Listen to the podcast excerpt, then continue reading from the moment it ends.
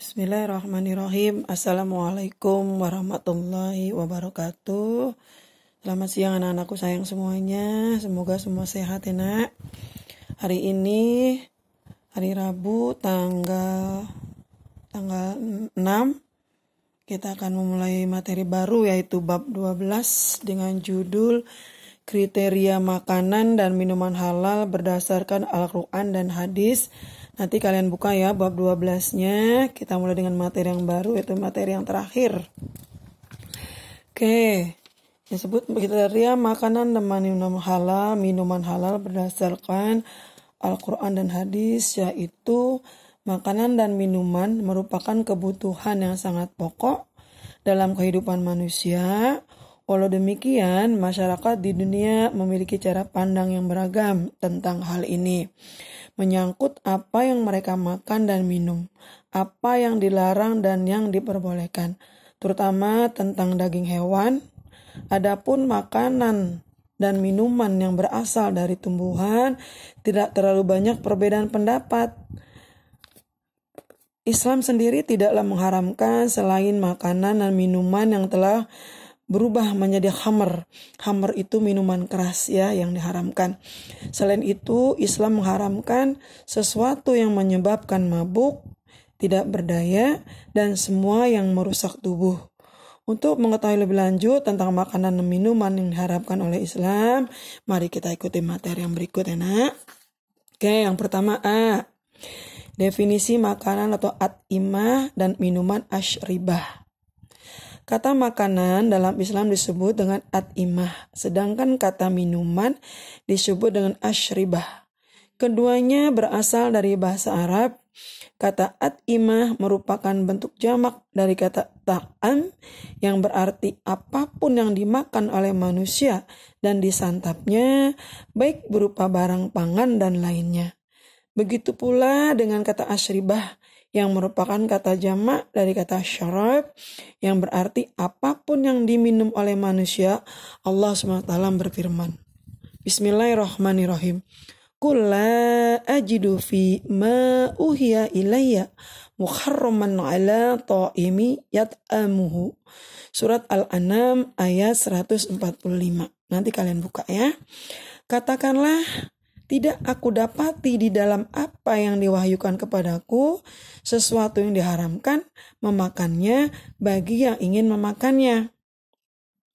Arti yang dihalalkan bagi seseorang itu dimakan dan diminum adalah makanan dan minuman yang baik dan dapat memelihara diri sebagaimana Allah SWT berfirman dalam surat Al-Baqarah ayat 172 dan Al-Maidah ayat 4. Nanti kalian buka Al-Qur'annya sekalian ya, dilihat terjemahnya juga. Karena kalau Bunda bacakan terlalu panjang ayatnya. Ya, di situ dikatakan di ayat 172, singkatnya aja ya. Wahai orang-orang yang beriman. Siapa itu orang-orang beriman? Orang beriman itu orang-orang Islam yang yang orang-orang Islam yang beriman ya. Kalau orang Islam udah pasti beriman. Makanlah dari rezeki yang baik dan yang kami berikan kepada kamu dan bersyukurlah kepada Allah jika kamu hanya menyembah kepadanya. Surat Al-Baqarah surat 2 ayat 172. Yang dimaksud dengan baik dalam ayat di atas adalah apa saja yang dianggap dan dirasakan oleh jiwa sebagai hal yang baik. Makanan tersebut beraneka ragam. Ada yang berupa makanan padat dan ada pula berupa daging hewan. Seluruh jenis makanan padat halal hukumnya. Begitupun seluruh minuman halal hukumnya untuk dikonsumsi kecuali lima hal. Ya, jadi ada lima hal yang berupa makanan maupun minuman yang diharamkan dikonsumsi. Lihat seluruh minuman. Bunda ulang lagi. Begitupun seluruh minuman halal dan hukumnya dikonsumsi kecuali lima hal. Satu, najis. Contohnya ada darah, air kencing, marus atau darah beku. Maksudnya marus atau darah beku itu kayak orang motong ayam atau motong hewan-hewan yang lain, darahnya mereka tadangin pakai alat ya, kemudian darahnya dikeringkan tuh yang dimakan. Itu najis, haram umat Islam makan marus ya. Jangan sampai kalian makan marus. Kemudian yang kedua, Tadi yang pertama najis ya, contohnya darah, air kencing, marus. Bunda ulang lagi. Kemudian ketua, yang kedua mutanajis, contohnya minyak atau minuman yang kejatuhan bangkai. Itu mutanajis. Jadi kalau ada ada minyak kejatuhan bangkai, lebih baik kita buang ya, karena kotor. Bahaya untuk kesehatan. Udah kejatuhan binatang yang sudah mati, bau busuk ya. Kemudian yang ketiga, memabukan. Contohnya arak, bir atau khamer, ya minuman keras tuh khamer dan narkotika itu hukumnya haram ya. Kemudian keempat, membahayakan. Contohnya racun. Racun yang dikeluarkan oleh kalajengking, ular berbisa, lebah dan belerang. Kemudian yang kelima, masih ada kaitannya dengan hak orang lain. Contohnya, makanan dan minuman hasil curian, korupsi, nepotisme, menipu orang lain.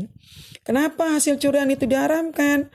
Memangnya kamu mau orang tua kamu mencari uang yang tidak halal hasil mencuri terus kamu makan ya itu nanti yang makanan masuk ke dalam perut kamu itu makanan haram tidak akan sehat ya diharamkan kalian akan masuk. Kalau kalian makan makanan haram minum minum haram itu matinya akan masuk neraka. Nauzubillah min jalik sama dengan orang korupsi juga. Tidak halal hukumnya ya. Nepotisme juga sama. Menipu orang lain apalagi menipu orang lain. Ya tidak boleh perbuatan yang diharamkan seperti itu. Kemudian Makanan dan minuman yang kita konsumsi terdapat di laut dan di darat, baik dari hewan maupun tumbuhan. Adapun yang disebut hewan laut adalah hewan yang benar-benar hidup di laut. Dagingnya dihalalkan, bangkai yang dihalalkan untuk dimakan adalah hewan laut. Karena ikan kan nggak mungkin hidup-hidup kita makan kan Nina ya. Ya jadi hewan laut yang halal dimakan bangkainya adalah hewan laut. Contohnya ikan ya. Jadi eh, makanan dan minuman yang kita konsumsi terdapat di laut dan di darat, baik dari hewan maupun tumbuhan.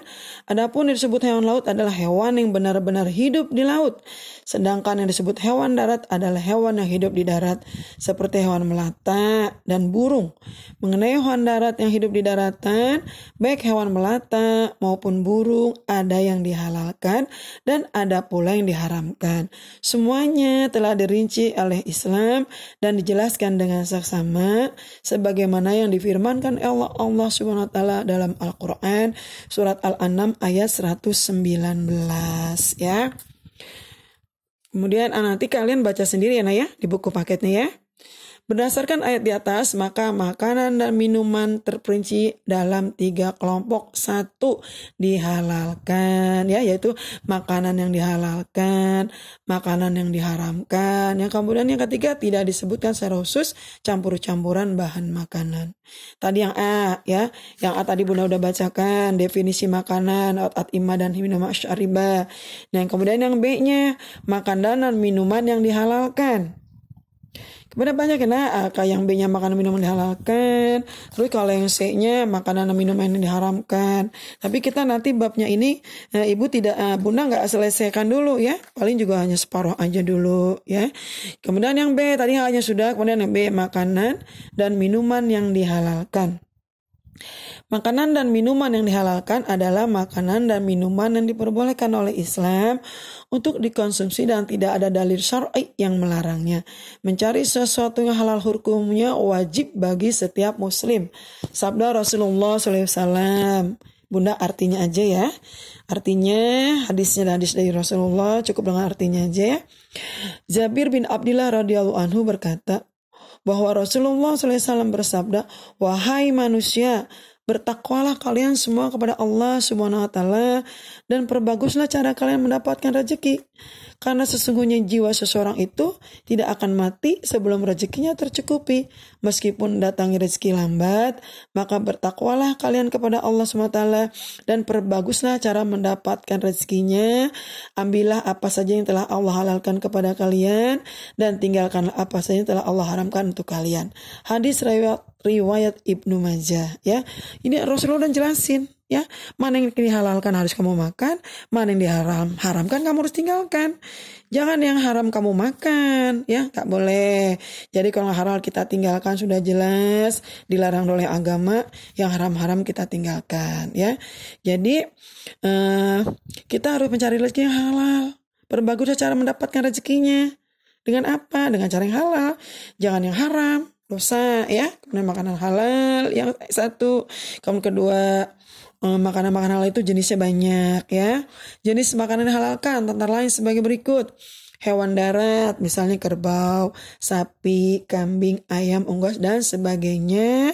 Dalam binatang ternak, firman Allah SWT yang artinya, dan dia telah menciptakan binatang ternak untuk kamu padanya ada pula bulu yang menghangatkan dan berbagai manfaat yang sebagaimana kamu makan. Surat Quran, surat Al-An'al ayat 5. Allah udah jelaskan ya, ya. Jadi di sini yang halal ya, hewan yang halal. Kita juga memotongnya dengan membaca bismillah ya, dengan menyebut nama Allah. Kalau kamu tidak menyebut nama Allah, makanan yang kamu potong itu tidak halal, menjadi haram hukumnya ya. Kalau kita menyembelih binatang entah itu sapi, entah itu karbo atau ayam ya, atau unggas kita potong tidak tidak dengan menyebut nama Allah, maka hukumnya hewan itu haram untuk dikonsumsi ya nak. Oke, paham kan? Kemudian yang, yang B-nya, segala macam hewan yang hidup di laut, misalnya ikan tuna, cumi, udang, dan lain-lain ya. Kecuali yang mengandung racun berbahaya itu tinggalkan, ya nak. Dihalalkan bagimu binatang buruan laut dan makanan yang berasal dari laut sebagai makanan lezat bagimu dan bagi orang-orang yang dalam perjalanan. Quran Surat Al-Ma'idah ayat 96. Jadi bangkai binatang laut itu halal ya. Bangkai binatang laut kan apa? Kan ikan ya. Halal hukumnya. Kecuali bangkai-bangkai hewan darat itu haram hukumnya ya. Segala jenis buah-buahan dan biji-bijian yang tidak membahayakan kesehatan, misalnya mangga, durian, semangka, beras, jagung, dan lain sebagainya, itu halal untuk dikonsumsi. Oke, nah sampai di sini aja dulu ya. Nanti kalian lanjut lagi uh, yang halaman 214-nya sampai nanti akhir untuk minggu depan lagi ya. Kita lanjut. Oke, nanti kalian tugasnya Bunda akan Bunda akan uh, tulis di Google Classroom ya. Tugas di situ nanti kalian baca, kalian kerjakan di sana, kalian upload. Jadi kalian baca dulu. Ini kalian baca dulu buku paketnya bab 12 sampai halaman 200 214 kalian baca ya.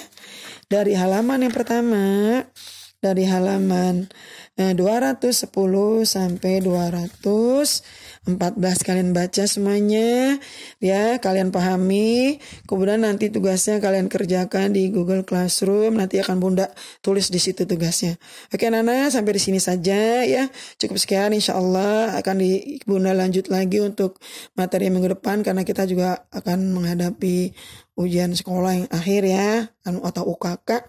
Selamat belajar, selamat menjalankan ibadah puasa. Semoga puasa kalian berjalan dengan sempurna dan juga puasa kalian uh, apa mendapat uh, ridho dari Allah SWT. Kalian diberikan kesehatan lahir batin.